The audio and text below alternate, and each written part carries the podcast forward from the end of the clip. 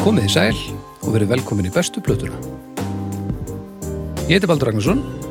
Ég er, uh, ég er maðurinn sem tekur upp bestu plötuna á samt fleiri laðvörpum sem þið hefði kannski tekkað á, hver veit, nema þið séu eh, hvað ég segja, svona venjulegi hlustandi bestu plötunar sem er svona frekar leiður, fúll út í lífið maður á miðum aldri sem eh, hræðist nýja tónlist og vil helst að við tölum um eitthvað gamalt og gott sem því er reyndar að þú sennilega ekki hlusta þannig átt en, en, en hérna allavega uh, hjá mér eru tveir gestir það er annars vegar það er doktor, einn doktor í húsi það er doktor Arnar Gert blessaður Blessas Doktor, segiru? Dóttor, dóttorpróf Já. Doktor í um, tónlistarfræðum? Múlistafræðum, Já. musicology Já, musicology, það heitir það. Það hljómar eins og eitthvað sem annar doktor ætti að gera við eitthvað sem, sem hérna, eða með þrútin eitthvað. Svona, já, erum við erum að gera henn að bráða musicology á honum, svo að þetta springi ekki.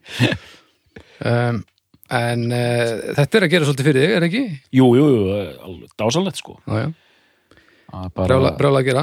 Að brjála að gera, hafa, hafa skoðanir á öllu og, Já, og bara Ég veit ekki hvað og hvað sko illa séð að þú hefur enga skoðanir, gefið mér. Þú verður að hafa, nú verður hún alltaf að hafa skoðan og allir músík. Já, já, og mjög gaman að bá svona henni út Já, hvað hva, Hvenær sem færi gerst. hva, hva finnst þér um barokk uh, tímabilið? Ég er bara okk tímabilið, ég á það alveg eftir sko En Ha? hérna, Já, Hvernig finnst þú prófið? ég hérna Og ég meiri segja að komast í gegnum tónlistaskóla á þess að hérna, spila hljóðfæri sko En Þetta er alveg ótrúlegur ára Hvað, bara svona líkamlega, labbaðir í gegnum hann bara? Eða, já, já, og viltist þetta, þetta var Já, mjög mikil rangalar þetta þetta var húsi hræðilur eftirmyndagur. Uh, já, merkilegt, en, en uh, haukur er hérna líka, blæsaður. Æ, Hvað segirðu? ágætt. Já, hvað finnst þér um barokk tímabilið? Mér finnst það nú, uh, mér finnst það nú síðra en mörg tímabil þar á eftir. Já, eins og... Já, eins og klassiska og romantíska og Já. svo bara dagurþónlistin sem að við já, já, tökum hér fyrir, sko. Já, þú vilt... Ég er nú romantísku maður, svona. Hún er mjög romantísku maður, sko. Já, já. Uh, hefur þú farið í, í, í tónlistaskóla? Já, Já. ég mætti í þrjá eða fjóra orgeltíma, Og... svona 1987-8. Svo hörnur að þú sért ekki orgelleikari út. Ítla mikill orgelleikari, vinnur. Já, já. Ha. En ég, hérna, ég, ég var ekki alveg að tengja við orgelið, sko. Var, það var ekki spegil í, í stofunni, get ég sett þér. Nei, örugglega ekki. Visuált er þetta alltaf bara fullkomið. Já. og jú, jú, svo var ég eitthvað svona blokkflutu Já. business, sko, en Aldrei gítar, eitthvað. nei. Nei. Nei, nei, það kom bara að setna. Já, já. Það en, er einhverju þú- leiti. en þú notaðir orgel þetta orð í, í, í, í, í nafninu þínu Já, já, jú, mikið rétt. það er rétt. nafn sem ég tók alltaf eftir Gamla tablan.org nafnum mitt. Já, skýtku orgel. Já, Já. Gíku orgel, ég sá þetta alltaf mjög myndrænt fyrir mér já, ég, Tveir, tveir mikilvægi hlutir. já, ég myndi segja það, sko. Já, já. Ég man meiri sér hver ég var þegar mér datt í hug þetta orð. Ég var í miðasölunni í bíóhöllinni, Álfabakka. Ok. Þá hérna var ég að tala við hann Ólaf Torfa, vinn minn, og Já. það datt mér þetta, þetta nafn í hug. og, og þið hefði svona flissað út myndina Já, örgulega. En nei, ég hérna, uh, orgelið það var ekki alveg í kortunum hjá mér, sko, greinilega. Ég- aldrei sé aldrei ég Aldrei að segja aldrei. held að þú veri, myndir bara plumma þig vel í Það var svona Hallgrímskirkju. tveggja hæða til samt heima. Tveggja heiða, Já. já svona skemmtari minnur Nei, svona, meira svona 70s, sko, ekki svona með töktum, sko. nei ok, þannig að þú þarft í alveg að geta eitthvað Já, ég, ég kann alltaf ekki neitt, sko. Nei, nei. Pappi var hérna. en hérna gaman að sjá okkur Mhm. uh, mjög gaman að sjá okkur við skulum nú aðeins koma inn á hljóðkirkjuna það eru þessi fjóri þættir í viku uh, við, Er, hérna, hljóðkirkjan með organista? með organista Já. Nei, ekki, eh, þú veist, ég er sennilega organistinn sem er náttúrulega bara eh, eru hörmulega fréttir, af því að ég er nú ekki góður á orgelið getið sættir. Nei, Ég hef eh, nú gripið oft í orgel uh, fyrir hljóðmyndina í hérna Draugumfortjar já. og sittana og, og, og, og alls konar sitt þar sko eh, og fengið staðfistingu á því að ég er nú ekki að fara að taka við slottinu í Helgrískisku, ég get alveg sett þér það Nei. ég held að það væri allavega í, í, hérna, ekki í, í sátt við skaparan ef ég fengi þetta upp Það er nú líka einn helviti góður það núna held ég sko. Aha, Já, var hann ekki hérna að taka eitthvað eitthva, eitthva Daft Punk tónleika á orgelið í Hallgrímskirkju? nú, Já, minni það. Já, Sá ok. það ekki þar. allavega Svo flippaðir kirkjun á menn þess að dagana. já, það er bara allt fritt við Já. ha, það er ekkert heilast lengur Ja, þetta er skemmtilegt. Þetta er skemmtilegt. Uh, en það allavega við byrjum hérna hljóðkirkjuvikuna á þá miðugutum. Já. Það eru draugafortjar sem hefja leika, svo fyndum er að snæpi tala við fólk. Á föstum er það þetta hér, besta platan og lögum er að listamenn. Og svona rúlar þetta viku eftir viku og þið bara getið, getið fylgst með þessu því sem að ykkur líkar við. Svo eru það samstarfsaðilar bestu plötunar og þar skulum við nú fyrst nefna Rocksafn Íslands. Það er Reykjanesbærin, Gott safn, það er nefnilega gott safn, uh, mikilvægt safn fullkomlega. og ég, við vorum að tala mitt um roksafni í draugum fortíðar um daginn og, og við fengum inn á umræðu hóp drauga fortíðar mynd af ungu manni á bassanum. Af því Já. að Þar er einmitt horn, þar sem að er hægt að, að þykta. Já. Það er hægt að, að djöflast í hljóðfærum og ég áttaði mig á því bara þegar við flósi vorum að tala um þetta að, að ég var alveg upp þannig að það voru alltaf hljóðfæri kringum mig og núna er ég með stúdíuðastöðu þannig að ég kem með Lilju mína hingað og við fyktum í öllu og það eru bara lang, lang flestir í heiminu sem hafa ekki Ein- Einmilt. aðgengi að hljóðfærum og það er hægt að leysa það með því að fara roksafnið af því að það er svo hræðileg tilhugsun að, að hugsa til þess að besti bassarleikari í Íslands sögunar muni mögulega aldrei prófa að spila á bass þannig að við verðum, því að það þarf að tekka sko. Alveg pottjætt sko, vegna þess að hvað ætla þessi 0,1% mannkinn sem að prófar eitthvað tíman að spila bassa? Já, líka bara hvað heldur þessi stórprósta sem prófar það sem að viðkomandi er best, best ætti að vera bestur í Já. þú veist, þú, þú ert kannski langfærasti bobslega bremsu maður Íslands en það bara kom einhvern veginn aldrei Tækifærið. Já. bobslega safnið var bara lokað og, og það er ekkert hægt að gera Nei. þannig að svona er þetta Þetta er svona ókveikjandi tilhugsun að, þú veist, eins og til dæmis, kannski besti vinu minn býr núna bara í Fraklandi. Ég mun aldrei hitta. hann. Já. Já, maður heyrir aldrei upp á slæðið sitt Eh, Kannski dóan árið 1730? Já, Fokk maður Ó, djöfnir, lífið voru sorgleg Bara Hann var Napoleon Bonaparte. Já, nákvæmlega Já, þetta er rosalega pælingar en, en e, þið getur samt kýtt á roksafni og allavega aðtuga hvort að hérna, að ekki bara krakkanir heldur líka þið að því að fólk hefur einhvern veginn þá hugmyndum hljóðfæri að, að á gamals aldri sé ekki hægt að byrja það er sum sé eh, kolrönd Því ég hef farið ofta á þetta safn, alltaf með nefndahópa, 30 manns Já. og þá, eh, það er svolítið gaman að sjá það að þá er fólk að hérna, hérna, þú veist, kannski bara snerta rafmaksbassa í, í fyrsta skipt á æfinni Já, finnst það óða gaman og síðan er líka karaoke aðstæða já, þannig að við kennarandi förum alltaf inn í klefan og öskrum hérna Easy Lover með hérna Phil Collins já, já og hérna Philip Bailey frekar en Derek Bailey nei, Derek Bailey Það er ekki Filip. Já, og svo bara, ég er nú nært þetta er mig að Jói Hermanns vinnur okkar hann hérna á, á hund gamalsaldri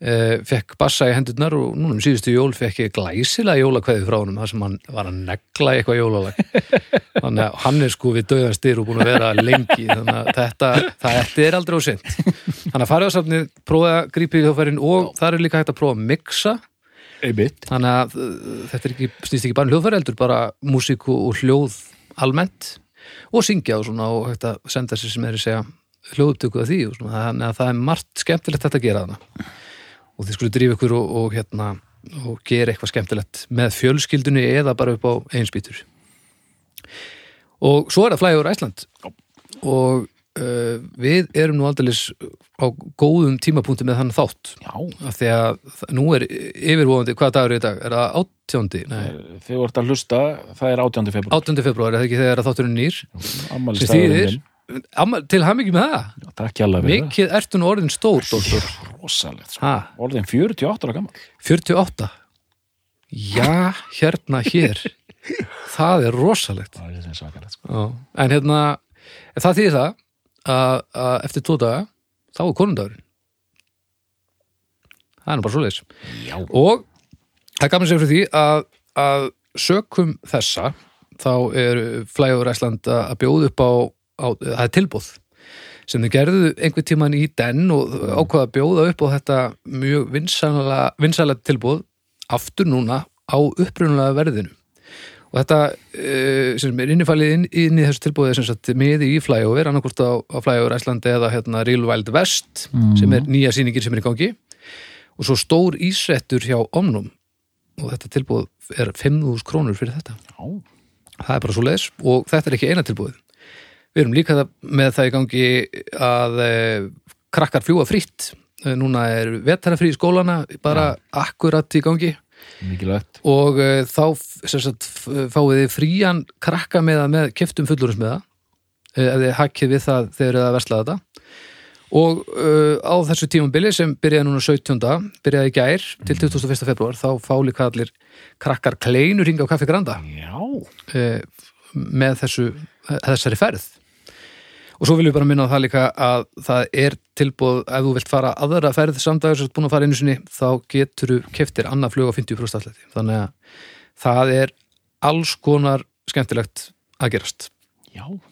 þannig að þitt getið tjekkað á þessu og nú getið þið slegið nokkra flugur í einu höggi hafa ofana fyrir krakkunum með hana uh, allt er í lægð og búið til fallega, fallega stund með, með konunni Eða konunni. Eða manninum. Já, já, eða manninum. Eða, eða, já.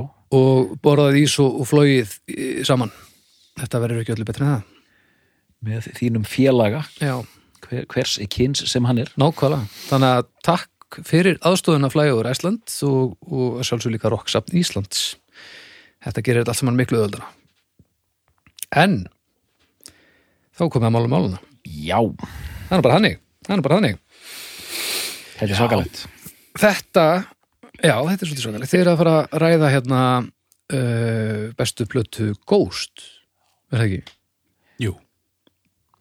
Mjög skemmtilegt útspil. Já. Er þetta, Umdelt hljómsett. er þetta haukur? Þetta er haugur, sko. Já, já umdelt ljósið. Umdelt hljómsett Heldur betur. og sko einhverjir getur spurt sig af hverju verið að taka hljómsettu svo góst núna þegar það á eftir að taka þessa þungarokksljómsett og þessa þungarokksljómsett og Já, já. Ég get nú svara því bara þannig að viljum bara halda, viljum eiga inni ákveðna hluti. Svo getur líka bara hægt að grenja. Já. Svo getur fólk líka hægt að grænja, Já, en svo er líka eitt svona sem að mér svona, eh, það er langt síðan besta platan fór til Svíþjóðar. og það er sjaldan sem besta platan fer sko út fyrir Ísland, Bretland, Bandaríkin. Þannig að mér fannst þetta bara tilvalið tækifæri að skoða aðeins hana Suður Svíþjóð og, já, og já. Algjörlega. tróði í okkur títuberja sultu og Nei, þú er að reyna að finna einhverja sænska stereotypur og mann ekki neitt, sko Já, já. Bara haldið á hestum og, og, Já, og átt að apa og eitthvað. já, já, Já, já. fleitt lamadýrið Nákvæmlega. En sko, já, þetta er, við höfum tvisa sinni farið til Þýskalands, Tvisvar. Kraftverk og Ramstæðin. Já, já, Þýskalands, já, já. Já, Þýskalands, uh, Svíþjóð einu sinni þá áður, það var Abba. Abba, Nei, líka Atta Gates Já. þetta gett, já. Þetta er kannski, og það hefur verið farið til Norex nú, hvað var það? ah, Dark Throne Já, já, auðvitað, auðvitað. Hvað voru ekki búin að taka enn túnd? Jú, jú, Já, hefur- já, hefur- við erum hefur bara, fullt í það er gangi. allt löðrandi í svíu. Eh, hefur verið farið til Danmerkur Nei, við, við erum eftir að taka, við erum eftir að taka, Súbidúa þáttinn já, og, Susi og Leo. og Kim Larsen, sko, við erum við erum að taka Kim Larsen. já, já. Sett, En það er náttúrulega bara, það kemur heil ekkert gott frá Danmörku, það er vandamál. Þannig að, þú veist, það er ekkert við okkur að sakast. Þetta er erfitt Ég- við að eiga. Ég, ég, ég ætla, nú ætla ég að taka upp hanskan sko. Nú ætla ég að Ætlarðu taka upp að taka upp hanskan hanskana? fyrir, Sjúpi fyrir dúa, mína þá. menn í, í Danmörku sko. Ok, hvort er það? Nei, bara það er orðið svo mainstream að hata Dani núna eftir hennan asnalega handbóltaleik hann Já, ég var Fólk ekki, var bara, þetta er ekki kergja sem, sem myndaðist í handbólta. nei, en ég vildi bara koma svo framhæri, ég, ég er sem sagt, ég er offisíal í, eh, komin í liðmedun Þú ert semst komin í, í hérna, danska landsliði í handbólta Já, Já, línum að ég, ég verð alltaf að Orgelleikari. Ég verð alltaf að vera á skjön sko og núna þegar það eru mainstream að hata Dani Já, á Íslandi já þá ætla ég að gera það ekki sko Djúðlestu flippaður Já, En það, það er svo undarlegt að, að, að Danir eiga reyndar eina merkilegustu þungarhásljónsett allar tíma. Ok, Merciful Fate. já jafnvel að það verði aðeins minnst á hana hér á eftir Já, já, svo það er eitthvað dissimislissi og eitthvað svona sem að sem að uh, Já, já. svona gáðum að þetta er alltaf þetta, það, er svo bara, svo, það er allir svo mikið við stjórn á öllu, sko Danir. En allavega, við erum Já. ekki yngar konir til að tala um Danmörku uh, ekki einu sinni til að drullið Danmörku Við erum farin í- í hitt Þeir konungsveldið. eru, kæru Danir, þeir eru Þeir eru yndislegir. Já, já, þetta er Já, allt, já, já. allt gott, við erum bara að slá á á létta strengi Já, bara aðeins að fýblast í ykkur. Já, já En Eða Ghost er nú eh, eins og ég sagðan umdelt hljómsveit Já. meðal já, bæði bara af augljósum ástæðum hérna gamla satanic panic eh, hérna dæmið svona, Já, já, það hefur nú aðeins komið með comeback í, í kringum Ghost en svo líka bara innan þungaroks eh, kreðsunar þá, þá er þetta eina af þessum hljómsveitum sem er alltaf verið að rífast um hvort sé þungarokk eða ekki Já, er, Já, já. Er, er, er, er ekki nokkuð örugt að, að hérna, umræðahópurinn okkar góði á fjarsbókinni muni springi loftu? jú, ég, ég bind ákveðnar vonið við það jú, það verður allt villust Já, Það er bara fínt, sko Mjög gott. En hérna, sko, við getum bara, við getum farið lauslega yfir sögu, þetta er nú ekki langur ferill. Uh, en svona kannski tökum smá, þuklum aðeins á doktornum fyrst, sko. Já, já, já, endilega. mm. Hva, hver er þín aðkoma? Já, mín aðkoma, ég, nú er ég svona dálítið í farþegarsætninu Mm. en mjög forvitin og spenntur og hérna, ég var sannlega var við þessar umræður um, um, um Ghost og sérlegur hérna vinur bestu plötunar, Atli Jarl Martin hefur sko fengið nokkur hjartaslög í, í rifrildum um Ghost Mm. oftu vin sinn Gísla Sigmundsson hérna Sórórisætt, Lim um, og síðan gerði ég nú ég, ég t- hef tjekkað á þessu haukur sko, en var bara svona hmm, já, já, ok og dvaldi ekki við Nei. en síðan koma mjög reglulega feitar fréttir af þessari hljónsvit Já, og þetta, þessi, þetta rifrildi sem ég finnst mjög aðdeglisvört Þetta er yfirildi meðal metalfólks. eða Eða innan ertu að tala um bandsins eða- Innan hljómsveitarinnar. Nei, nei, ekki innan hljómsveitarnar heldur, Heldur, bara já. þetta þegar fólk hengi sig á því að Ghost er auðvitað bara það sem það er Já. en þá kom eitthvað svona fáránlegar víglínur að hérna er þetta þungarokk eða er þetta ekki þungarokk? Já, já, Já. Hvað? Alltaf, auðljósa svar við því er hverjum er ekki drull. já. En hérna, við getum svo sem reynda að komast að ykkur niðurstöðu með þetta á eftir. En uh, kannski fínt að taka það fram hérna bara f- fyrst í upphafi þessa þáttar að þetta er líklegast eina hljómsveitin sem að uh, það sem Baldur kom mér á bræði. Ok. Já. Nú byggum við saman Mhm. og báðir svona hlusta á svipaða tónlist en samt kannski ekkit alltaf alveg sögum artistana þó að Nei. það skaraðist aðeins Já. og jú, jú, það var ímislegt sem Baldur leiði mér að heyra sem mér þótti skemmtilegt og annað sem mér þótti leiðilegt en þetta var svona það sem ég greip 100% já, Baldur var sérst komin á góstuvagnin já. hann að tölvert áður sko. Já, ég, ég sem sagt verð fyrir Ghost Mm. uh, hvort það er við spilum á Vakken skálmöld fyrsta skipti sem við spilum í útlöndum það er áður en Baldur kemur út þá spilum við á Vakken sem er þá hvað, 2010 sennilega Hvað byrjuðu þeir þá bara og þú komst inn í síðasta lagið eða? Nei, þá Æ, þetta var brandari var það brandæg Ah. ég, Já, mjög liðlegur Vá, ég held að það hefur setning Sko, Baldur var ekki komin út.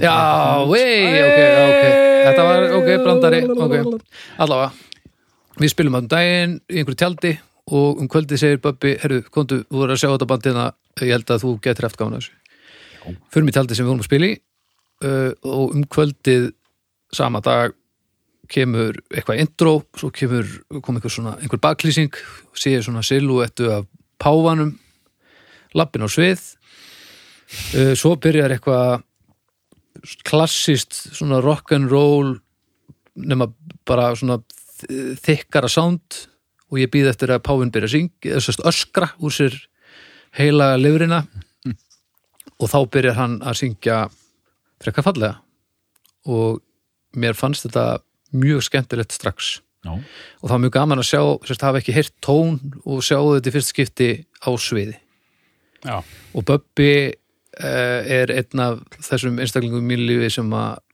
er ótrúlegt skinnbræð á hvað mér finnst skemmtilegt Mm. og, og sjálfsög vissi hann að þetta myndi ganga þannig að já þá strax þarna 2010 ég man ekki einu sinni hvernig fyrsta platan kemur út en Já, þetta er- sveitin er bara nýbyrjuð Eh, fyrsta Já. bara það kemur 2010 sko. já, þannig að þeir, þarna er bara verið að spila efni af henni Já, uh, að, Ah, Þess að klóra það er að klóra Hérna, já Hljómsveitin er stopnuð 2006 ok, í Linköping já, í Svíþjóð Mhm. sem að eh, Wikipedia segir mér að sé 160.000 manna bær Mhm. eða borg borg uh, Þetta er sko ef við að segja söguna eins og hún byrtist okkur í rauntíma eða ef við að byrja bara strax að tala um já við verðum bara að byrja strax að tala um hérna höfuðpörin út af því það var Já. náttúrulega eh, mjög lengi framan af, af ekki vita hver það væri þetta var svolítið, það var slipnótt í þessu þetta var Lindó, já, já, þetta var einmitt, Lindó-band já. en þetta náði að vera lind og helviti lengi Já, það var sem sagt það er, formið á þessu er að, að aðalsöngurinn er, er pávin Já. svona sa, einhver satanískur pávi eðlilega bara, og svo bara kemur, hvað séru, eðlilega bara eðlilega og svo er, kemur nýr pávi á hverju plötu hann, hann, hann svona endur fæðist og Já, alltaf hann- kynntur til leiks Nýr páfi- karakter. nýr karakter. og meðriðarsveinarnir eru kallaðir nameless ghouls já, já, hvað er gúl á íslensku? það er bara svona ekkur Hórinja Nafn, Já, já, þetta eru svona einhverju nafnlausir djö- djöflar en Árar. djöf- árar, nafnlausir árar það er mjög gott já, og þeir eru með grímur og, og hérna Pávin rosa mikið málaður uh, svona, svona uh, beinagrindar uh, smetti eitthvað með mikið höfuð skraut svona páa ægilega, skraut ægilega djúfisins Páva hatt og, Og með svona skikju já, og uh, alls konar gallar í gegnum tíðina og uh, rosa lendó framan af það mátti Já. engin, engin vita Við við elskum þetta Fólk elskar svona, slipnót og Já, kiss og allt þetta dótar já, já, það má- mátti ekki vita mátti ekki vita hver ég er en sko munurinn til dæmis eins og þessu slipnót var það að þegar slipnót kom fyrst þá voru alltaf þessir orðrómar um að þetta væri einhverjir nafntógaðir einstaklingar já, að, að hérna, vill á sér heimildir bara en það var nú alltaf vita að þetta væri sænst dæmi þannig að, að maður vissi það nú frekar fljótt að sennilega myndi maður ekki kannast við Nei. þessa náunga nema þeir væru úr einhverjum svona obskjúr sænskum death metal böndum Já. sem þeir reyndar voru en, en, en kannski ekki þessum stærstu næ, en uh, aðalsbrautan hann heitir Tobias Forge já Hvernig segir maður þetta á sænska máta? Og við svarum ekki eh? Nei, þetta er norska, þetta var norska hjá mér Hvað Bara- með sænska? ekki hugmynd Tobias Foge? Nei, þetta Þegar var nor- Norsararnir fara upp, sko, Tobias Forge Já, þú varst bara í Mílan. Tobias Forge, Mílan. Mílanó Tobias Forge Já. Á, hérna, Tobbi, hann verður kallaði Tobbi bara. já, Tobbi, Tobbi, Tobbi, Tobbi Lilli. Sænski Tobbi Sænski, já, já 81 módel, Já, uh, með bakgrunn í Dauðarokki, meðal annars. já Hann var hann í hljómsveit sem hétt Repugnant. Gott nafni maður Repugnant Ég Geggjað. þekki nú engin deili á þeirri hljómsveit og uh, veit nú ekki hversu stór hún er svona innan svíþjóðar en, en hún er allavega ekki svona uh, hún er engin, engin sænskur döður okkur resi, skulum við Nei. segja og hann var einhverjum, einhverjum öðrum hann var einhver glambandi já, hann var einhverjum svona Krass, d- d- diet með, með umlátt e og eitthvað já. en þarna 2006 þá er hann í, í og eitthvað punk líka já, þá, þá sem sagt se, se- þetta byrjaði í rauninni bara út frá einu lagi sem maður samdi sem að hérna manu ekki hvað það heitir, það er á fyrstu plötunni okay. uh, hann semur lag og fær félaga sinn til þess að hljóðrita Stand by him. Mm. stand by him, alveg rétt fær félaga sinn til að hljóðrita það með sér og hann er á því að, að þetta sé eitthvað alveg uník dæmi og þeir stopna svona eitthvað projekt í, í kringum þetta þar sem að þeir eru influensaðir af svona einhver gömlu dumrocki og Mhm. psychedelíu rillings eitthvað, ég, ég veit ekki svona, svona okkalt rock mm -hmm. Hva, hvað heitir það á, á íslensku? hvað getum við kallað það?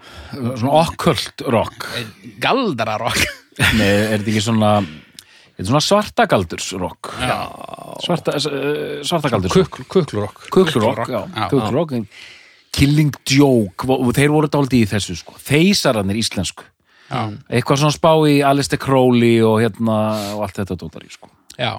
Kuklurokk, og svo náttúrulega þú veist, þetta er beintenging inn í, inn í uh, psychedelíuna og, og yfir í þetta eh, bara eiginlega pínu yfir í progg líka Prog, Sagadelia, Doom Já. Mhm. Og þeir gefa, þeir taka upp einhver þrjú lög og því er dundraðin á MySpace. Já, Þetta er MySpace band. Nei, já, já, já. Þetta vissi ég ekki fyrir en ég fór að undirbúa þennan þátt. Sko. sem MySpace Á, hefur ekki árið, gert árið alveg meikar fullkominsens Já. sennilega svo vefsíða sem hefur gert mest fyrir tónlist í gegnum tíðina mm. En sko þetta, ef ég er að muna rétt, þá fer þetta samt ekki inn á MySpace fyrir en sko 2008 eða 10 eða eitthvað. Þegar að MySpace er bara í andars litrunum. Sko. Já, Uh, en þetta vekur strax mikla aðtigli og þeir bara uh, fá alls konar símtöl frá alls konar labelum og eitthvað og bara það er bara dundraði plötu þetta sama ár fyrstu plötu Ghost uh, Opus uh, hvað heitir hún? hvers eru? Það var eitthvað fyndið nafn Já, Uh, hvað heitir hún? Ó, Opus Epinomus Opus ep Eponymus Já, Epo- E- einmitt. Ep- Opus Eponym- Eponymus Já, Já, einmitt. Na, Nafnlösi Opusin Er þetta nafnlaust? næs, Latin for self-titled work Já, þetta er í rauninni bara þeir eru flippaðir að gefa út plötu sem heitir Ghost Já, en hérna já þessi plata er uh, er bara í þessum stíl þetta er svona verið að Er ekki öll elementin bara komin? Strax jú, það komu fleiri elementin síðar sko. Já, hún er svona aðeins hrári bara, þetta er bara fyrsta verk en þetta er samt, mjög, þetta er samt alveg vandað, Já, þetta er já. svolítið mikið verið að vinna með element sem að er búið að fullkomna áður í, í tónlistarsögunni en bara að vera að snúa þessu upp á því En ég heyrði, sko, já, já, og bara, nú er ég búin að hlusta á þetta allt saman, sko, og hérna, að því að, bara, ég vil aðeins fá að tella þetta upp, sko, það- ég heyri prog, ég heyri doom, ég heyri pop, Já, mikið pop já, þungarokk, mm -hmm. hvað, hvað, þú nefndir eitthvað, psychedelia, já, já, já, þetta, er, þetta er bara nokkuð góð upptaling og þetta er svona það er verið að daðra við djöfulinn hana bæði í, í, í myndmáli og, Já, já. og, og textum og og laga titlum, lagatillum oft mjög svona, og þetta er svona, en það er gáski, sko já, það má það má færa einhver rök fyrir því að þetta sé bara hálgerð grínljómsveit sko. já. það er En- gletnið þannig, sko. en samt einhvern veginn náðu þeir að feta þessa örmjóu línu og, og detta ekki yfir hana í að vera eitthvað stíl panther rögl sko Nei, Einmitt. þetta, þetta verður aldrei haha, sjáðu hvað við erum sniðir það er en kannski ég upplifaði ekki þannig þetta er kannski, það er kannski að því að þeir eru ekki að þykjast vera eitthvað, sem- nákvæmlega eitthvað sem var til heldur er þetta svona saman tekt af mö- mjög mörgum elementum þetta er grautur grautur sem býr til rosalega rosalega mikið teater mm. dottor, þetta er náttúrulega leikúsband frá helviti Já, ég vissi að við kemumst aldrei í gegnum þennan þátt öðruvíð svona teater er nefnt hérna. og það, það er held ég það sem fer hvað mest í tögarnar á, á þessum hérna, heitu, sönnu, þungar og strullum hann úti. Já, af, uh, Þetta er ómikið, ómikið uh, of mikið uh, gis og of Já. mikið uh, pós og svona óekta og, og það gefur þetta er- þetta er svona árás á hinn sönnu gildi þungaróksins Já, þetta er pínu svona, ég get ímyndað mér, þú veist, alveg eins og þegar ég sá bara umslægið á plötunni sem þú varst með, þá hugsaði ég, sko, þetta er eitthvað evil shit, sko. okay. En svo er, er það það ekki, Nei. þú veist, þú heldur miða við ímyndina Já. að þetta sé eitthvað svakalega þungt, dimmt og drungalegt, Mm. sem þetta vissulega er, en þetta er líka bara pop. þetta er mjög poppað og þetta líka held ég, ég held að fara í töðunar á mörgum að þetta þetta passar ekki við þungarokk sem lífstíl stíl, sko. Nei. Nei. þetta er of mikið e, svona innan gæslappa óekta og veist, á meðan fólk er að rembast við að- að, að vera með úst, þungarokk getur verið svo risa stór partur af lífiðinu, þú, það er svo mikið identity og þetta gerir ekkert fyrir þann aðeila sko. þetta er bara pop, þetta er leikhús bara sjó þetta er bara sjó og þetta er mikið pop og alls konar grautur og þetta er ekki Og skamma sinni ekki neitt. skammast ekki neitt Já, já. og, og stránkæðalegt fyrir slíkt en, en ég sé alveg af hverju það getur stuðið að þá sem að vilja bara fá suði í eirun sko. út af því að ímyndin, hún hefði alveg geta passað við hljómsveit sem væri bara Mm. líka, já, já, það getur og gert bara... bara eins og þú átti bara von á því þegar þú sást á þarna Algjörlega. live, sko. en þá væri þetta band hins vegar ekki svona stórt Nei, alls ekki. aldrei Og þetta band varði í rauninni stærra heldur en nokkurn hefði grunað, held ég, sko. já, En uh, alveg eins og við vorum að tala um í síðasta þætti þegar að ég held því nú fram að Joni Mitchell hefði aldrei hugsað sko að þetta er masterpiece mitt sko. Mm. Að hún væri bara svona í einhverju flæði bara að taka næstu plötu og næstu plötu og, og gera eitthvað og, Mhm. Já. Mhm. og það bara virkaði. Þá er þetta eiginlega bara þveröfugt. Sko. Þetta er allt saman alveg útpælt. al, er ekkert óvart en þeir þetta svíjar Já. já, og við komum kannski að því síðar en, en sko svo þegar að nær dregur nútímanum þá fer hann meiri segja yfir í það minnir mig, ég dobbultekka það nú ekki að, að fá svona uh, uh, no pun intended, ghostwritera til þess að, að semja með sér lög já ok, ég held að hann geri það á síðustu plötu sko já, já, ok þá er hann komið með einhverja svona einhverja sænska einhverja kanonur dansgolfs titlinga bara hann bara, hann fer aðaleg sko. Já, já, það er bara hérna einhver Jóakim Berg og, og Já. Salem Al-Fakir og Vincent Pond, eh, Max Gran Já, já, það er, það er hérna einhver, Já, og bara, þú einhver veist, slurkur maður þóri var að tekka á því hvað þeir gaurar hafa gert sko. Nei, nei, en, hérna, en svo eh, emmitt, það er það sem sittur í svo mörgum að fólk fer og skoðar það og til þess að verða brjálað já, og meðan mér gæti ekki verið sama svo lengi sem þetta er ekki leiðilegt heimitt en, en þarna á Opus Eponymus Mm. þar er þetta ennþá bara einhverjir dútar í páafötum og þetta er allt voða mikil dulúð og, og hvernig fannst þér þessi plata, Arnar? Mér fannst hún bara fín sko og hérna mér finnst allar plöðunar fínar f- eða sko frá því að vera fínar yfir í að vera mjög góðar Já, og aðteglisvert að sjá einmitt hvað þannig séð er þráðurinn sæmilega óslitin í gegnum þar allar og þetta er svona ef þetta vera svona barnaleg útskýring væri að þetta sé einmitt bara svona aðeins rári útgáfa af því sem átt eftir að koma sko. já, þannig að þetta er alveg til staðar sko Já, já, algjörlega heimitt bara já, fín, fínasta, fínasta stöf og ég hérna ef ég man rétt, minnur ég var nýbyrjar að hlusta á þetta, kemur einhver saxafót þarna inn á harða hlaupum minn í eitt lagi sko og þá svona, Já, ekki á fyrstu plötunni ég, veistu þetta ég, ég, ég er þá að ruggla eitthvað sko ég hérna allan, ég einhver núna er hann ekki bara á nýjustu plötinni eða? Jú, sko, þú, þú hérna, sendi mér eitthvað á Messenger um saxofón og ég held einmitt að þú verður að tala um síðustu plötu, sko. Já, Þannig ég, ég er hlustað á fyrstu plötuna aftur og var að leita saxofónunum, en ég fann hann ekki. Nei, nei, það er ekki saxofór þar, það kemur saxofónu á þriðu plötunni Það er allavega fjóruðu líka, það er bara alveg fáránlegt, það er bara saxofón orkja. já, og mér, já, já, já, nei, ég er að tala um fjörður, rétt segir þú, já, já. og þá svona, þegar maður bara, bara nefna það að mér finnst það vera snild að, ég- þegar ég heyrði þetta þá svona glotti maður við tönn sko. Já, já. það var bara svona vel gert ég sá fyrir mig bara saxafóleikarna hennar Tínu Törner, hann að vöðvatröllið hlaupa bara inn á hérna hlaupin í stúdíu og bara þennja sig sko. Já, já. í langstæsta páagalla sem við erum sömu nákvæmlega nema, já, það er bara eitt páverendar en þið viti hvað ég meina Nei, saksónleikarinn hann er pái líka Nú, Já, það eru sem er sagt tvípáfun Það er tvípáfun Ha, byrju Eh, Reyndar, nei, Þetta er nú nei, ekki- nei þetta er það nú er ekki ekki, raunhæft. fyrirgeðu, fyrirgeðu svo- Svo við höfum þetta alveg rétt, það er ekki tvípáfun Ok. Þannig að á síðustu plötu er söngar en ekki páfi, heldur kardináli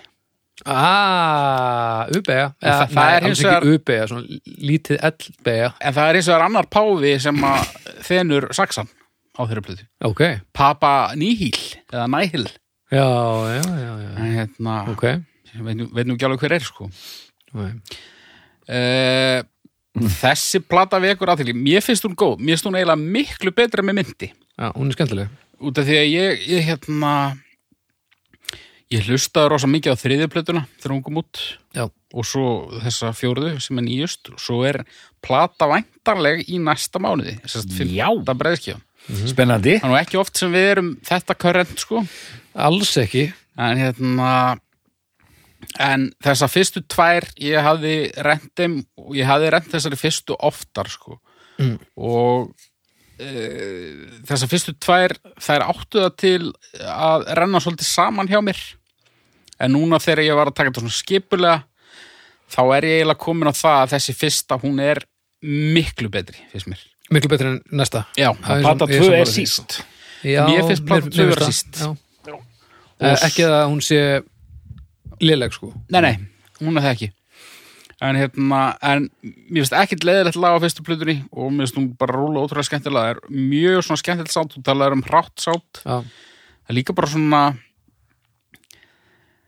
uh, ég held að sé ekkert óviljandi þarna Nei, það er, þú ég veist, ætla að fara að segja rátt sound en þetta er rosalega vandað rátt sound já það er bara, það er bara aðeins minna overdrive heldur en já, flestir aðrir hefðu gert sko. Já. og þetta er bara svona neglir þessa 70s stemningu sko, náttúrulega Já. eina af hljómsveitum sem er oftast nefnd í- sem einhvers konar áhrifavaldur ég hef nú ekki hérta bent frá honum sko, Tobba Sænska það er hérna Blue Oyster Cult já, já. og ég skil þá samlíkingu að vissu leiti það er, það er svona sound uh, feelings líkindi frekar en, en hérna lagasmíðar finnst mér Mm. það er þetta svona já, En það má, það má kannski ganga svo langt að segja að kannski er þess að fyrstu tvær bara ráar miða við eh, þrjú og fjögur. Já. Plata 2 er eh, enn nú alveg svolítið vel slípaðri Mm. finnst mér en fyrsta já, og þar strax eru við komum með einhverja gesti og eitthvað þó að það hafi verið lindu þetta tæm Er ekki hann er sem Dave Grohl þrómar og held það? uh, ég veit ekki hann allavega pródúserar epiplötu sem heitir uh, If You Have Ghost nei, hvað heitir það?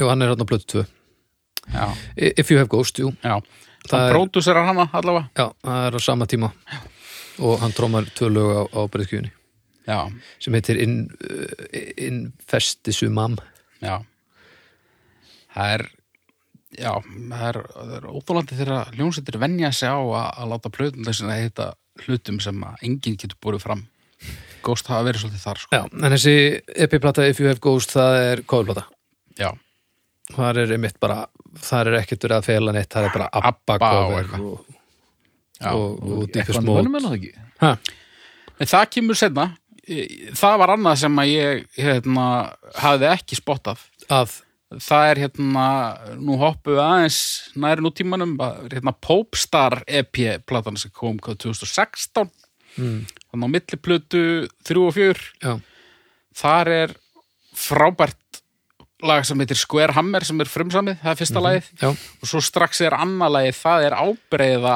af Echo and the Bunnymen lagi af plötunni sem við rættum hérna fyrir nokkru vikum síðan Akkurat, Square Hammer, já. töluðum sérstaklega um þetta lagið mitt Nocturnal Me já, og ég hafði bara ekki heyrt þetta ég bara, þegar þetta kom út ég hlustaði bara á Square Hammerin bara, skverra bara mér inn svo voru ykkur eitthvað cover sull og ég man ekki hvort ég rúlaði því, sko, en ég allavega En hvað heitir platan nú í 28? infestisumam Já, já, eitthvað, já, einmitt, ve- vesen sko. já en það bara Djöfus kannski vesen. það kannski bara vantar svolítið bara vantar bara meiri húka einhvern veginn Já, mér finnst hún bara, hún er bara ekki, það er bara ekki jafn góð lög, það eru mjög góð lög á henni. já, já. Þú veist, Monstrous Clock og eitthvað sem er, ég sá það á Hellfest, mér finnst það óbúðslega leðilegt lag já, ég sá það á Hellfest live með barnakór og flugveldarsýningu og þetta var svo mikið leikhús að ég var bara, já, það var svo yfirgengilega, yfirgengilegt já. og er bara eitthvað, þú veist, þú- þetta er, þetta er svo, þetta, ég veit ekki hvort á hlustendur gerir sér grein fyrir hvað þetta er yfirgengilega mikið leikhús. Mm -hmm. Já. Þetta er alveg bara svona kabarett feelingur. Já. það er bara næstu leikþættir á milli laga og það eru nunnur að dreifa smokkum og, og það, er, það er einhvern veginn allt allt gert til þess að Allt. gleðja fólk og gera hina alveg brjálaða og það gengur mjög vel og allt guðlastið í heiminum en svona létt guðlast ég Já, meina, já. þetta hefði þótt Þetta er vera ekkit- stórhættulegt þetta er ekkit krell og fylð sko. nei, þetta, úst, ef þetta hefði verið s- 70s mál Já. 60s, 70s mál 70s mál, þá hefði þetta verið stórhættulegt í dag er þetta bara djöðis flip Mm, og ég meina þetta byrjar, þetta byrjar strax að í upphafi ferils að þú veist eins og önnur platan, þú veist, þið lendi í vandræðum vegna þess að einhverja bandarískar eh, plötupressur neytu að pressa plötun út, Já. það var einhverju púkar að eðla sig framan á þú Já, veist, en þannig þetta, að það var gef, hún var gefin út með öðru kofveri það er samt þetta er rosalega umkunnavert mál í samanburði við önnur svona mál Já, já, algjörlega, en, en það er samt merkilegt að hljómsveit sem er svona augljóst teater Já, að, að hérna, fólk býti á agnið og nexlis sko. mér finnst já, það já. stórmerkilegt Ég er bara eiginlega hissa, var sett alvöru satanic panic út af þessari sveit ekki í neinu Ekki- stóru samhengi sko, En- en en, en, eitthvað. en það, það var svona Ekkert- eitthvað pyrringur hér og black það sko. metal neitt sko en, en erfitt fyrir Ghost kannski að spila í Alabama já, Nei, þú veist Nei, öruglega ekki þe- á þessum Jú, tíma ég meina, kannski. þ- hann hefur sagt það að þú veist, þeim var ekki bóðið að spila í, þú veist, þeir voru orðnir mjög svona þungarokks vinsælir en þeim var aldrei, aldrei bóðið að, að spila í sjónvarpi fyrir en sko bara hana, eftir þriðu plötuna það er mögulega stærðarmál líka en, Já, ég meina endalusta böndu sem fá ekki bóðum að spila í sjónvarpi Já, já, en ég meina þegar þarna var komið við sögu, eru þeir orðnir alveg svona, Já, já, ok þú veist, En ég meina, nei, þetta er miklu, þetta er það létt að þetta, þetta sataníska element, Mhm. mér finnst það ekki vera, ef fólk er að setja það fyrir sig, þá er það bara kjánagangur. algjörlega, en þú veist, þeir lendi ykkur vandræðum, það var, það var eitthvað kór sem lappaði út út af því að vildi ekki syngja eitthvað satanískan texta á Já, latínu. ég meina, og þetta eitthvað er bara kjaftaði. kjánagangur, skilur við. Já, en þe- þetta er enga síður, þetta segir manni það að þó að svona hinn venjulegi maður, hann hérna, hann svona fær meira sigg á móðgunagirnina eftir því sem að hérna, árin líða, þá er ekkit allir þannig. Nei, ég held bara að til þess að fólk geti tekið satanisma alvarlega, Aha. þá þyrfti það allavega að vera minna grín, eða þú veist, þetta er svo mikið töngin tík, þetta Já. er svo augljóslega leikrit. já, já, þetta er svo mikið óekta að þetta er bara þetta er bara eins og að, að segja að maðurinn uh, út á göttu í New York sé Jésu í alvörunni En heldur þú að eitthvað miðaldra bakgrændasöngkona í einhverjum kór í einhverju stúdíu í Nashville spotti það endilega að þetta er tongue in cheek og þetta er nei, örgulega ekki, en mér er bara sama það er bara, þetta snýst ekki um hana Nei, auðvitaði með sama sko. og nei, þú veist, og mér finnst uh, hún er bara hægt að grænja og syngja rödduna sína sko. Já, já, Já, auðvitað. Allir sammála hér Já. En hérna, og ef þú ert kannski, að hlusta, kannski þegiðu og skrifa syngdu bara þú skrifar reyðipost og sendir eitthvað, bara á hana ekki á mig allavega uh, Hvað um það? já, þriðja platan og platan sem að ég tefli hér fram sem bestu plötu góst Mhm. hún kemur út á því herrans ári 2015 Mhm. og nefnist Meliora já. Eh. stendur vel alltaf frá hvað, hérna, hvað fannst, fannst þér um Melioru? Ótrúlegt að þetta sé ekki bjarkarplata Meliora Mér finnst hérna Já, svo merk, já, einmitt að því við erum að tala um sko og, jú, jú, og, og einmitt hversu augljóst er þetta fyrir einmitt saklusri húsmóður í, í Texas eða, eða okkur hérna upplýstum önnum Já, já, en mér finnst einmitt og bara þegar maður fer að skoða lagatillana mér finnst þetta svo skemmtilegt sko af því þetta er svo straight, Hva- hvað heita lögin hann aftur þetta er svona, Uh, á Meljóra, já, það er Spirit, já þú veist, spirit við erum með, From the pinnacle to the pit hva- hvernig sem er það, Siris? Ég veit það ekki E C-I-R-I-C, Ég er búin að Eh. kvíða því allan daga þegar að segja þetta Siris, Já.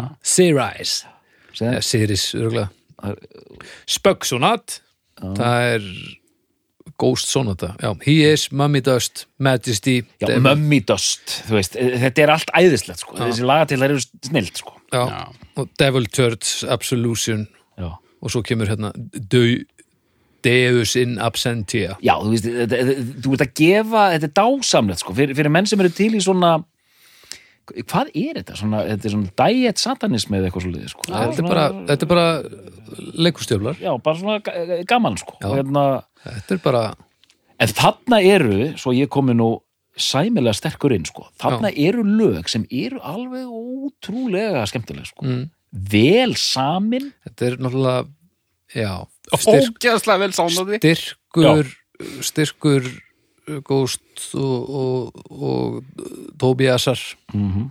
eru náttúrulega lagasmíðar lagasmíðarnar eru mjög sniðugar Já. og eins og segir þetta sándar ægilega vel Ég held bara að ég hafi ekki heyrt jafn feitan gítarvegg á ævinni eins og í eh, Siritse-læginu. Siritse, það heitir það þetta er alveg, einmitt, Það tala um Syrize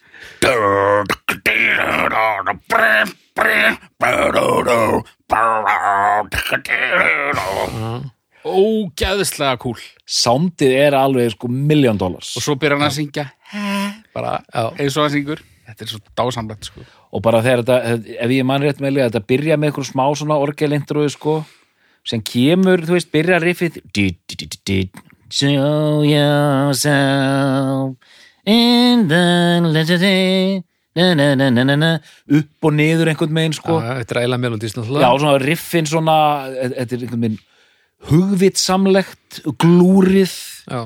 þetta er ekki alveg hérna, þetta er ekki alveg það sem þú átt von á en rosalega grípandi og bara svona vel frá gengið allt saman sko og það eru lögarnar sem ég er búin að vera með á ég er búin að hlusta svolítið mikið sko og hérna, eh, þú veist lög sem ég er bara með á heilan sko Þetta er líka, já, það sem mér finnst þú skemmtilegt við þetta er hvað þetta er aðgengilegt Mm. samt glúrið, þú veist, það eru taktpælingar en þú þarft ekki vasaregni þú Mhm. Nei. veist, þetta er ekki, Nei, það er, þetta er ekki krefjandi Nei. en þetta er ekki algjör heiladöði nei, mitt og það er ekkert óvart í þessu Þetta er rosalega balans á öllu þarna sko já, og mér, fyrir mér er þetta bara fyrst og fremst, mér finnst lögin bara og umbúðurnar og allt stemmarinn, mér finnst það bara mjög skemmtilegt Þetta er einhvern veginn að smá svona, smá svona, smá svona, smá svona, smá svona, smá svona, smá svona og sem verður þetta bara einhver snill sko.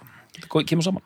og svo bara úr einhverjum svona harkalegu þungarokki yfir í sko, svo þetta við lögum svo þetta He Is sem gæti nú bara verið eftir Benny og Björn Mm. sko, já, já, ógeðslega gott lag og epist og, og eitthvað að minnst öll lögin á þessari plötu þarna einhvern veginn uh, þarna er þetta komið alveg, Já. finnst mér já, ég er Og samanlega er ekki, þarna er lagið, það er ógeðslega flott, það er svona mjög melodist sko, hérna La la la la thunder, da da da da, la la la thunder og síðan eitthvað svona La la la your heart, melodíðan fer svona niður hmm. In your heart, di di Mm. Já, di þú- Manstættir þessu? Já, þú ert að hérna Býtum við Já, þú ert, þetta er bara eh, se- Series Þetta er bara hérna Þetta er Syrize Já, þetta er bara hérna Kemur á eftir fyrsta versinu og Kemur smá svona break og piano já, já. Það er svo- þetta er svo fallega hvernig það syngur þessa melodi In your heart þetta er bara svona, einmitt svona Eurovision hérna bara eh, en bara svona fallega, fa- fallega melodi sko.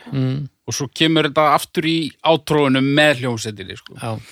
ógislega töff þetta er bara leikhús frá helvíti og það er indislegt Svo er þarna, uh, ég veit nú ekki hvort við erum að fara alveg grúndíkt í, í, í hvert einasta laga þarna, Mm. en besta laggóst að mínum mati, ok, það er á þessari plötu. ok Nú, nú gýrast Já, ég ætla að ballið, sjá hva- hva- hva- hvort það er rétt fyrir þér það er loka lagið, sko. nei, Jú. það er rámt fyrir Nei, það er nefnilega rétt hjá mér. nei, Hvað heitir það? Deus? Deus in absentia Já, Ó, það er svo gott lag. Eru þau að djóka? Hummaðu. ka, ka, ka, ka, ka la, la, la, la, la, la bum, bum la, la, la, la, la, la, la, la, la, la Ba, da, da, da, da, da, da.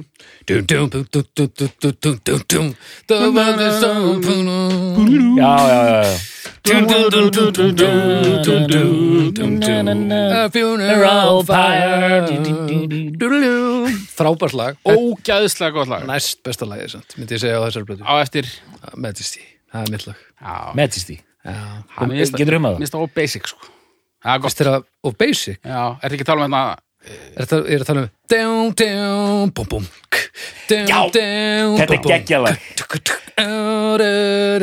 Þetta lag er- er snillt. Það er gott lag Master. Það er fa- glæsilegt og sólóið Það er Ég yndislegt ætla nú ekki að taka En það er þetta lag bara frá þér. disco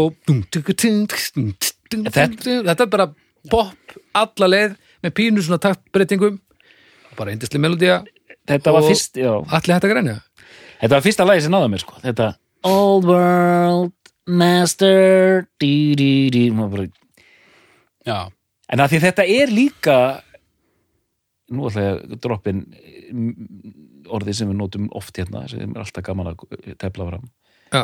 Þetta er hliðstæðlust Ég hef aldrei heyrt svona, nákvæmlega svona tónlist áður þennan tiltekna graut Já, Nei, nei Nei, þetta eru of mörg element úr of mörgum hotnum til þess að þú getur hérna Ég hef aldrei heyrt þungarokk með eh, páfa sem spilar á saxofón til dæmis.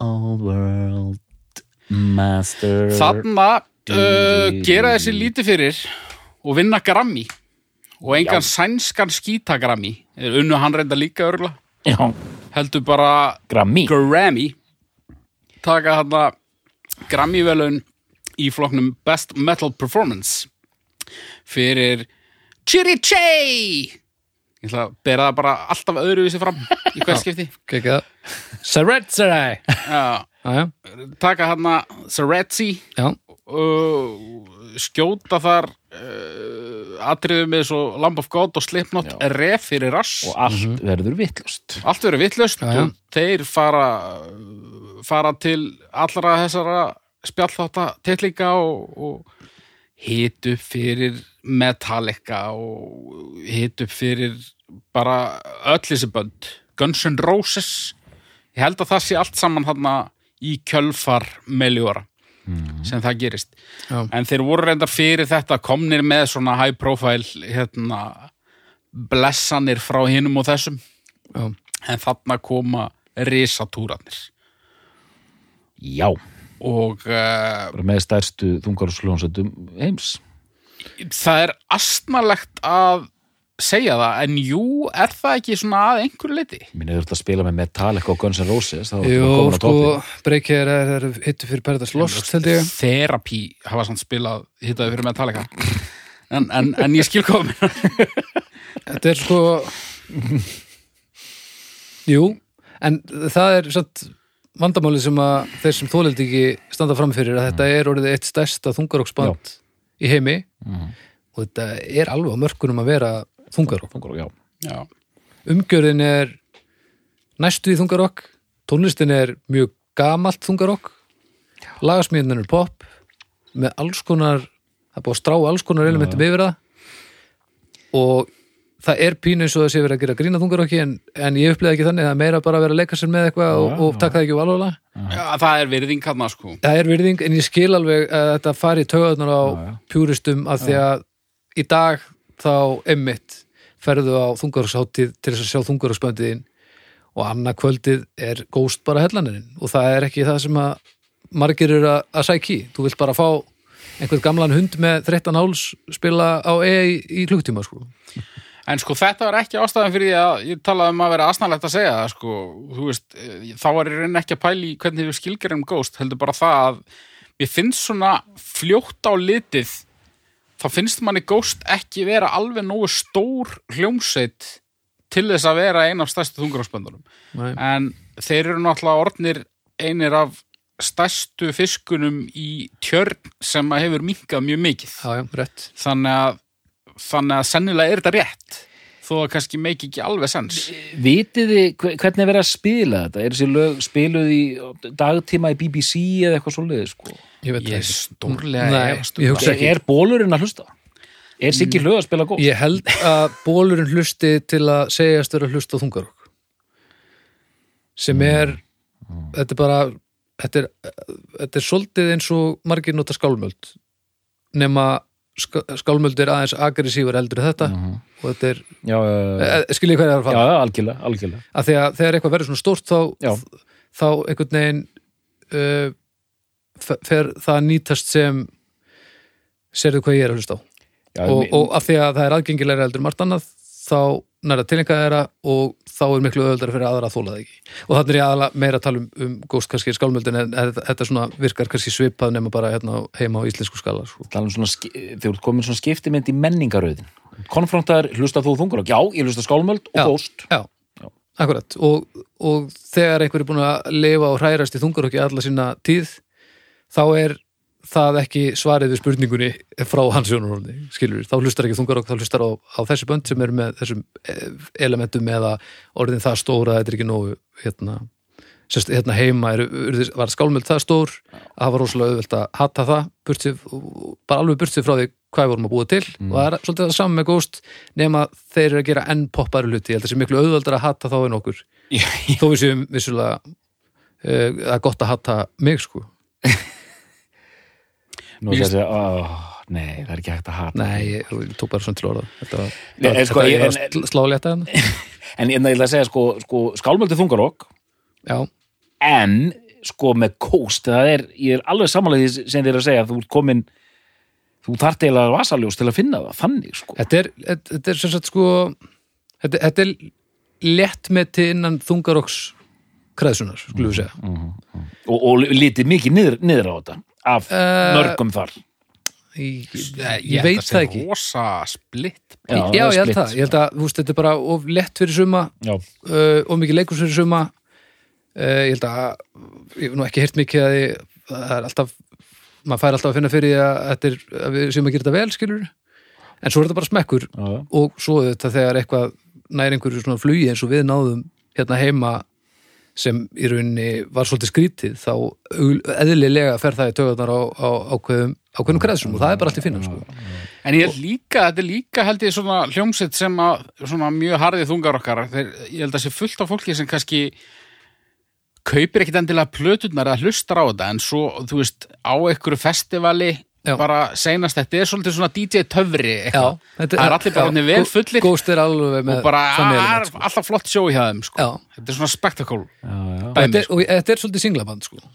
ég held að, að fólk líka finnir singlana og hlusti á þá og svo er sumt af plötinu kannski bara aðeins og sækadilist og, og prókað hjá þeim sko.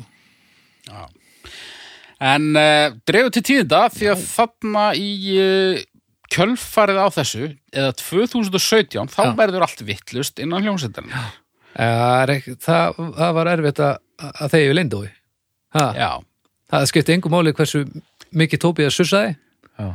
það var bara, það var bara ekki hægt að, að, að þegar lengur af því að þetta var eitthvað svona já, það var- það var spenna innan bandsins Nafnlausu eh, púkarnir, þeir, eh, fengur nöfn þeir þeir skýrir. rottuðu sig saman já, og fór allir í mál við Tobba Sænska. já. og uh, ég sko ég gróf mjög djúft í þetta mál á sínum tíma ok þannig að þetta, uh, þetta er allt eftir minni ok, En það var svona mín tilfinning pínu, sko, þeir vildu meina að hann væri bara búin að breyta þessi í sóló atriði og hann væri að borgaði milla og Hlunnfara þá. hlunfarað og bara þessi klassíska saga Mhm. uh, svona eftir að ég var búin að lauga með þessi í þessu þá var það svona pínlítið mín tilfinning að Tobbi Mm. hafi gert þau mistök að bara gera það ekki alveg ljóst frá upphafi hvað þetta projekt væri já, það bara ég held að þetta hafi bara verið pínu fullt af gaurum að gera eitthvað skemmtilegt og það var bara verið að fresta því að taka mjög mikilvægt spjall sem að hefði átt að taka strax í byrjun hvað er þetta og hver á að fá hvað bæði varandi peninga og kredit þú veist, er erum við hérna sessónleikarar erum við sessónleikarar þínir eða erum við hljómsett eða hvað erum við og það virtist, hú- hann virtist vera alveg með að hreinu hvað þetta væri sem er soloprotistið hans og hann er með fólk með sér já, en þeir nafnlausu voru ekki sáðu ekki eins nei og ég, ég er pínu þeirra skoðunar að ég held að báðir aðilar þarna séu svolítið í ruglinu sko ég held að ég held að það sé ekki rétt hjá Tobba að hann hafi alltaf hugsað þetta þannig þetta bara ekslaði svolítið þannig og það henda honum pínu að, okay. að láta þetta slæta yfir í soloprosent ég veit ekkert um þetta sko ég, ég en hérna nettis ekki Ég veit það ekki, en allavega þeir fara allir í málveðan og því er kastað úr réttarsal ári síðar eða svo Mhm. þannig að hann innan allra geðslappa vann það mál en út af því þetta voru réttargögn þá náttúrulega voru öll nöfn birt. afhjúpuðust öll nöfn og, Já, já, já. og hérna tjaldið fjall Hjaldið, fjall. Tóbías var dregin úr turninum Já. Mitt. og þá voru þessir nameless ghouls, þetta voru bara einhverjir sænskir menn úr hinum og þessum svona einhverjum Hljómsveitum. Eh, medium sized hljómsveitum sem að ég þekkti nú ekki Voru þeir margir? Var þetta alltaf já, þeir voru, 5-6 á sviðinu? já, þeir voru eitthvað fjórir eða fimm sem fór í málveðan sko. Já, og hérna en þeir náttúrulega bara ég ég held að hann hafi nú varla þurft að reka þá Nei, ég held að, já, ég held að það ekkert- þeir hefur ekkert gengið út úr salnum og bara, jæja, hvernig er æfing? já. þannig að bara þegar þetta var sko era þá bara var farið í, í fjórðu plötuna Já. og bara með nýjum maskap Já, Já.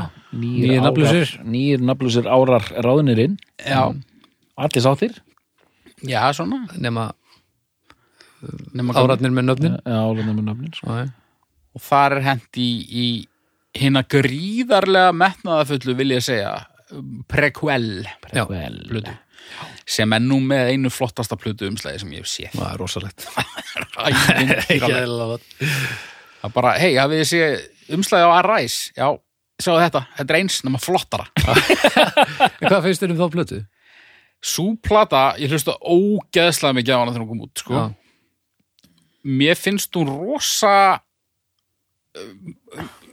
Framana finnst mér hún ofbúðslega góð. Já. En botnin dettur svolítið úr henni hann undir restina. Já, samanlega, en mér, mér finnst hún skemmtileg Já. Mér finnst hún mjög góð Og góðu lögin á henni eru bara með því besta sem þessi hljómsið hefur gert, sko. Já, En það koma þrír, fjórir hundar hann undir restina. Lokalagi er enda skemmtilegt. Mm. En svona bjöliðin er ekki þeirra sterkasta, myndi ég segja. næ, En þarna líka, þú veist, þarna sprettur fram nýr frontari, mm Mhm. -hmm. páarnir eru farnir og þarna kemur eitthvað perralegur kardínáli. er það það- svartklæti þarna? Já, Já, hann var á Hellfest, já já, hann er svona svörtum leðurgalla með mjög smjörað yfirskekk. já, já Hann, hann var, var þegar ég sá ógeðslegur. þetta á Hellfest já, hann Hann var var mjög slísi ógislegur. og þegar að barnakorinn var að syngja hann Come Together og flugöldasýning og eitthvað á nunnur út um allt þetta var mjög slísi í allt sem hann Já, en, hérna, en þetta sýnvirkar á þessar plötu og tónlistin, þú veist, þetta er sem ég voru að segja á þann sko, þarna er hann bara kom með einhverja bara eitthvað, hérna Sven Gustafsson, bara sem er búin að gera 30 hit singla fyrir Ríanu eða eitthvað Já. og bara eitthvað svona menn, Já, mér sýnist stefna í það sama með næstu líka það er bara flott Þetta er bara, þetta er bara fullt af einhverjum pop pop uh, dröllum Já, Þú veist, við erum með hérna eh, Jókim Berg sem er sko söngurinn í Kent Ok. Já, hann er að, að hérna, allavega að samti eitt lag með honum síns mér Eh, Salem Fakir sem hefur unnið eitthvað með eh, Lady Gaga og Madonna og og eitthvað, Já. hann að við erum alveg bara þarna Það er ekkert tvínón. Nei, en ég hérna, já, En sko þessi, þessi prequel-plata, sko, Já. mér finnst hún... og hún- Cardigans líka já, er, uh, Anders Það er Petter Svensson það er bara sænska Petter, landsliðið mæta Petter Svensson er bara mættur hérna til að semja slag og, Björn Úlfeus hann líka, uh, nei, engin Björn. Benny Andersson Það kæmi mér í alvöru ekkert rosalega mikið óvart, sko. En Klaus Ólund er hérna Já, hann pródúserar eh, hérna, Meljóru, eða ekki? Hvað sér þau? Hann pródúserar Plöður á undan, Uh, já það, held það? nei þessa Brótusur þessa og semur þó greinlega eitt lag Ég held að hann pródúserir þriði plöðuna líka. Já, já uh, Nei, Tom LGT Nú, já, já. Já, já, góð saga En sko þessi fjóraplata, þú veist, eh, uh, Já, nú er ég alltaf að reyna að byrja að tala um þessa fjórðu plötu, sko, hún er náttúrulega bara... eins já og hann var með hún er. Meloria líka Mel, Meliora sér ég Já, þri- þriðju plötuna. Já, ég rugglaðis bara, ég var komin hérna í, í óutgefnu plötun og hvað, ruggl Já, prekvel, segiru, haugur Nei, mér finnst bara svo skemmtilegt, þú veist, eh, það er ennþá, það er ennþá leifar af þessu 70s occult dæmi, en þetta Jú, er jú. samt meira svona, þú veist, þetta er bara yfir í glam stundum, sko. Mm. Já, til að, Bara svona Ossi fá, fá, Osborn, til að fá þetta hreint bara þannig að ég, að því ég var rugglaðis hérna því ég fór í óutgefnu plötuna bara hérna. heldur að einhverjum sé ekki sama. Glas og Lund Mm. tekur þriðu plötuna sem þú valdir Já, svo kemur prequel og þar kemur þessi Tom Dalgeti og pródusur hana og svo erum við að fá hann aftur á þessari nýju plötu Kloss, eða Klass já.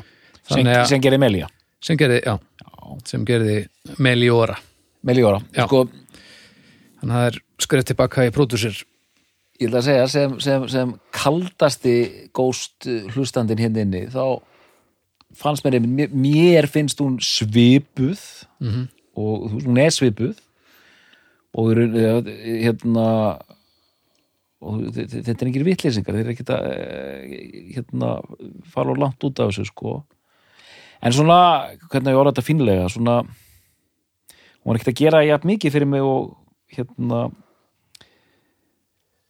hérna hvað það er, Meliora mm. Meliora, eh, bara það er, það er svona meiri andi þar einhvern veginn í gangi sko. Já, það er búið að slípa mjög mikið þannig.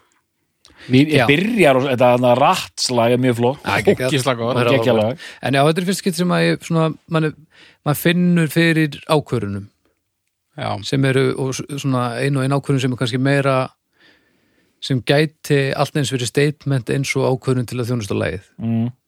en, en samt alveg innan allara skynsins og svo eins og þú segir, svo eru bara nokkur lögðar sem eru bara ekki efgóð eins sko. nei. En sko, fyrirkablin finnst mér alveg rock solid, sko. Já. Hérna, þriðja lagið hann að... Og svo yfir í hann að... Hvað er fjóra lagið? Er það hann að Dance Macabre?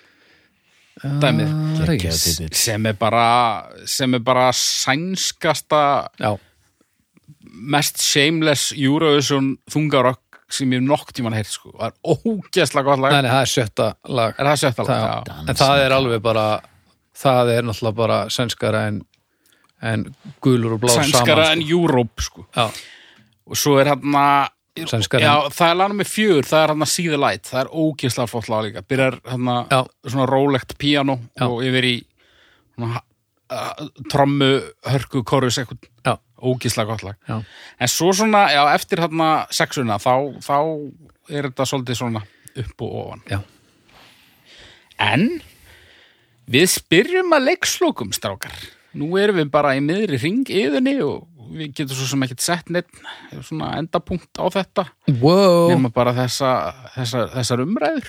já. Já, ég- já, já, við, við lókum að þetta núna uh, og svo er náttúrulega plata að koma núna 11. mars Já, það er það sem ég er að tala um, sko. Já, en en t- tvennt sem ég vildi spyrja hérna, eða ein spurning og sen einu anga spurningin er, ætlaði er eitthvað að blanda Merciful Fate inn í þetta Nei, nei, bara eh, eitt af þessum böndum sem eru mjög oft nefnd, sko, hérna, ég heyri nú ekkert eitthvað brjálað, jú, kannski svona eitthvað gítarpælingar. já, já.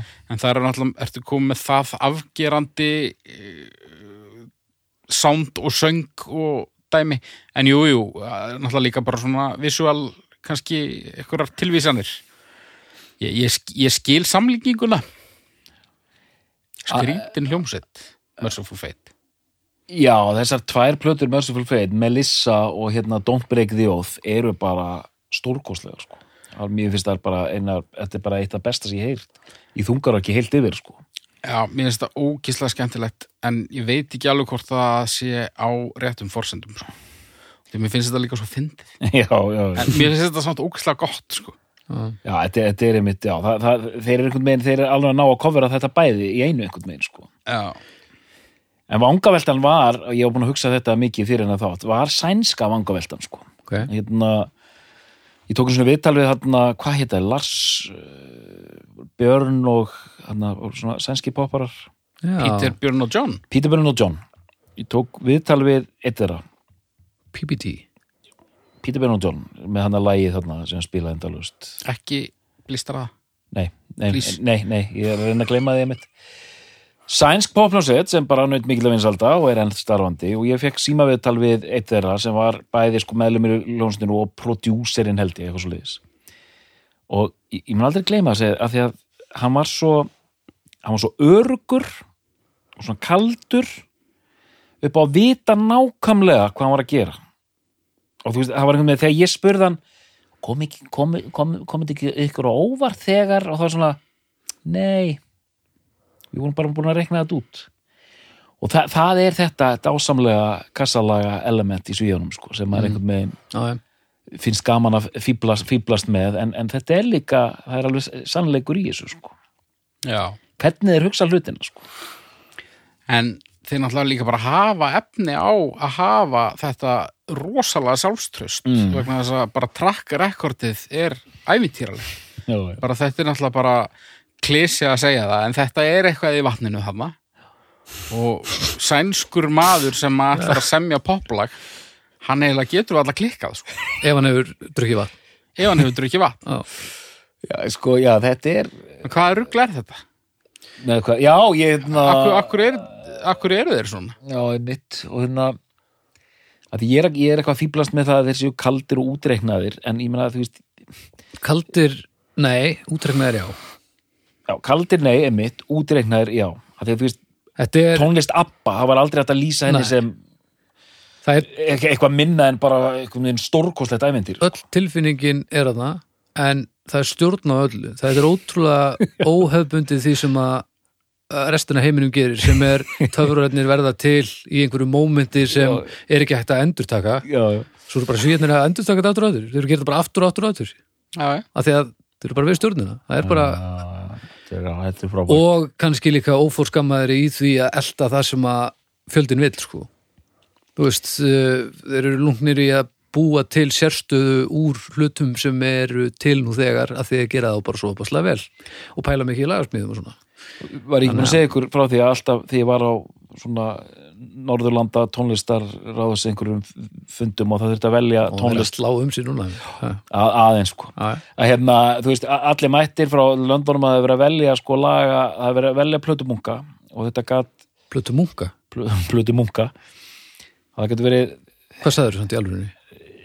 ja, Ég voru ætla að giska á hann að hafi alltaf að segja plötu bú. Bunga, plötu bunga það er að velja plötu bunga maður- sem sagt, já, já, fimm lönd mætt þarna okay.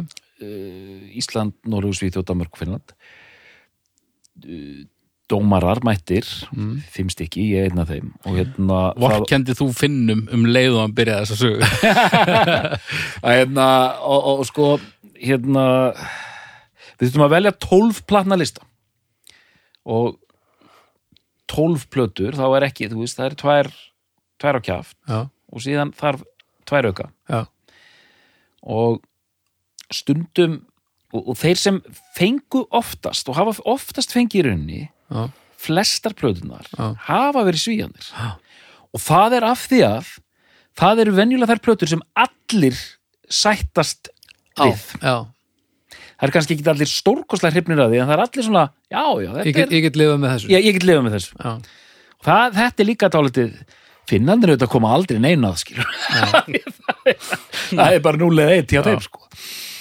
Já, Já, ég samdi er alveg hérna, merkilegt sko. samdi hérna þjóðlega plutt og róttrón uh, hún er gegguð en hún er ekki fyrir alla þetta er mjög finnst En sko þetta sænska dæmi, ég er bara að hugsa það núna, þú veist, er ekki kannski það sem uh, það sem sker þá frá öðrum er kannski ekki endilega uh, þessar lagasmíðar, þú er sér góðir lagasmíðir, þeir eru svo miklir útsetjarar.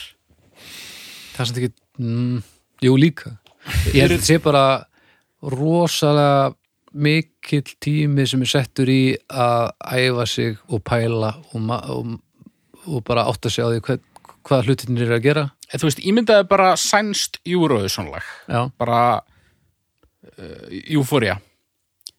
já en Ímyndað er að það hefur verið samið á Íslandi og verið sendt í Eurovision. Við hefum örgulega klúðrað útsetningunni, einhvern veginn. Það hefði aldrei orðið svona gott. þarna Þó það hefði verið sama lag. Þarna myndi ég segja mörkin Euphoria er náttúrulega besta júlusunlega allar tíma Mögulega. og útsetning versus lagasmíðar það sem gerir til mér þetta viðlag er þessi högg í lokinu á viðlaginu Mm -hmm. hvort þessi útsetningarmál eða hvort að það hafi verið samið þannig að útsetningin eldi veit það ekki, en það er líka snildin En það er, samt maður veit ekki, útsetningar, það er samt útsetningar atriði, klálega.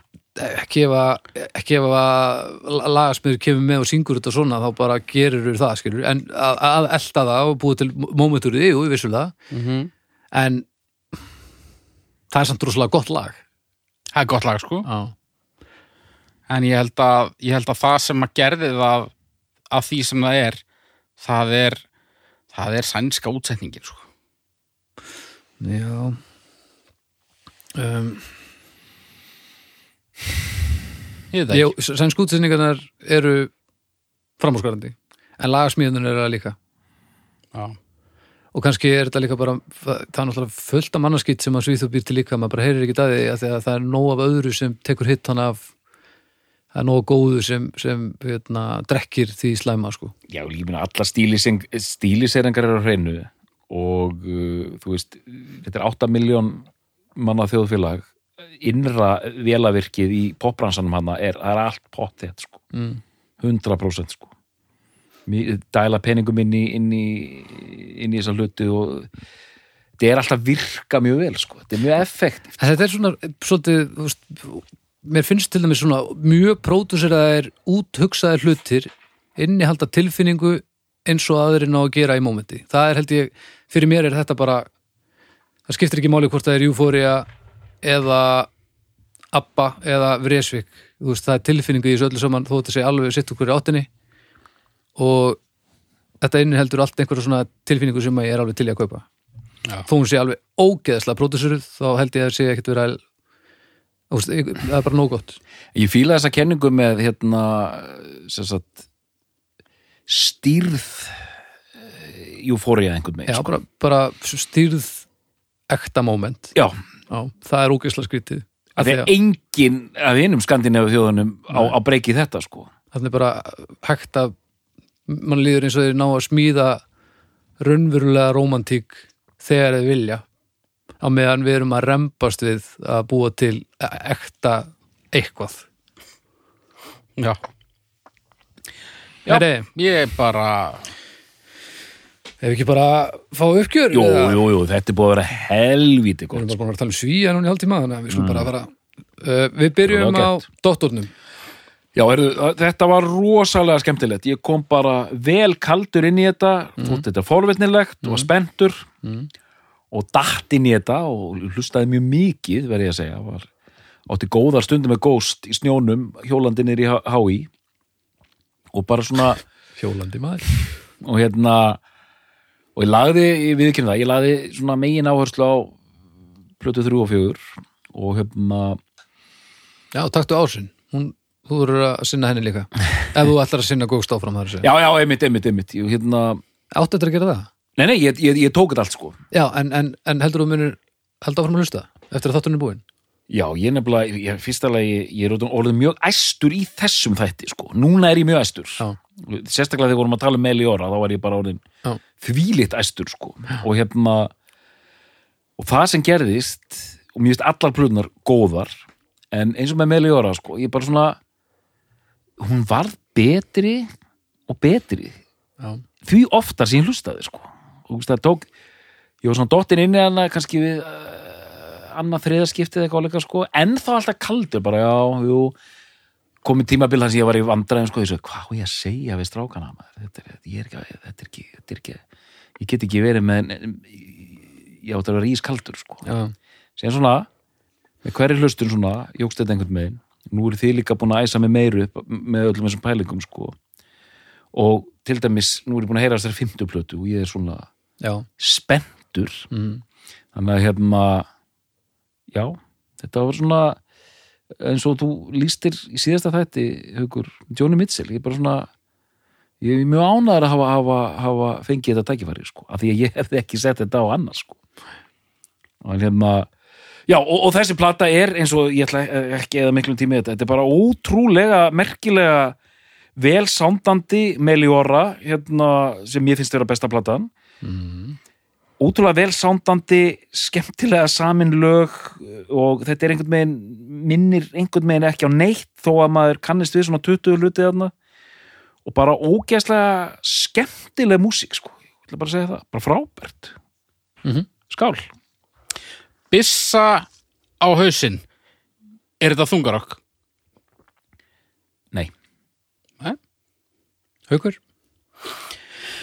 Já, ég hérna Ég eh, var eiginlega ekki í neinum vafa um að ég myndi enda þarna sko en ég tók nú upprifun á þetta allt saman Það er nú ekkit eitthvað allt og langt síðan að ég hlustaði síðast á á toppa minn sko uh, róluðu tinni Toppi Sænski Mér finnst þessi plata bara hérna hún er svona skemmtilegur snertiflötur þessan gamla og nýja góst einhvern veginn hún er hann á milli ég ah, svona- nú komist að því hvar þú fegst hérna, COVID-ið já, já snertiflötin ég, Það var ég, svona- ég spritta hann ekki COVID grínat þetta er að heldast Spritta mjög hann vel ekki eftir nógu sem vel, árið sko. líða þið í framtíðinni bara fyrirgeði googlið þetta Nei, sko, eins og ég talaði um áðan sko, mér fannst ekkert allt á fjórðu plötunni virka, en mér finnst góðu lögin á henni frábær, það sem ég hef heyrt á fimmtu plötunni, ég er svona á báðum áttum með það mm.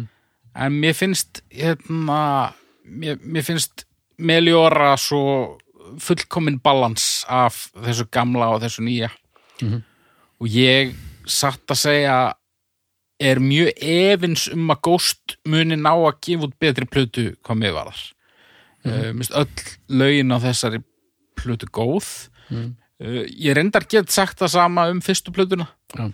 en uh, mér finnst lögin þarna betri og hérna þetta er bara, þetta er svo mikið partí þetta er partí, þetta er partí, partí með satani partí með sænskum skratta en er Þann- þetta þungar okk já, ég myndi segja það þannig að haukur er þetta besta plata góst? Já. Doktor, er þetta besta plata góst? Já, Baldur, er þetta besta plata góst? Já Við þakkum fyrir í dag og við heyrumst að viku liðinni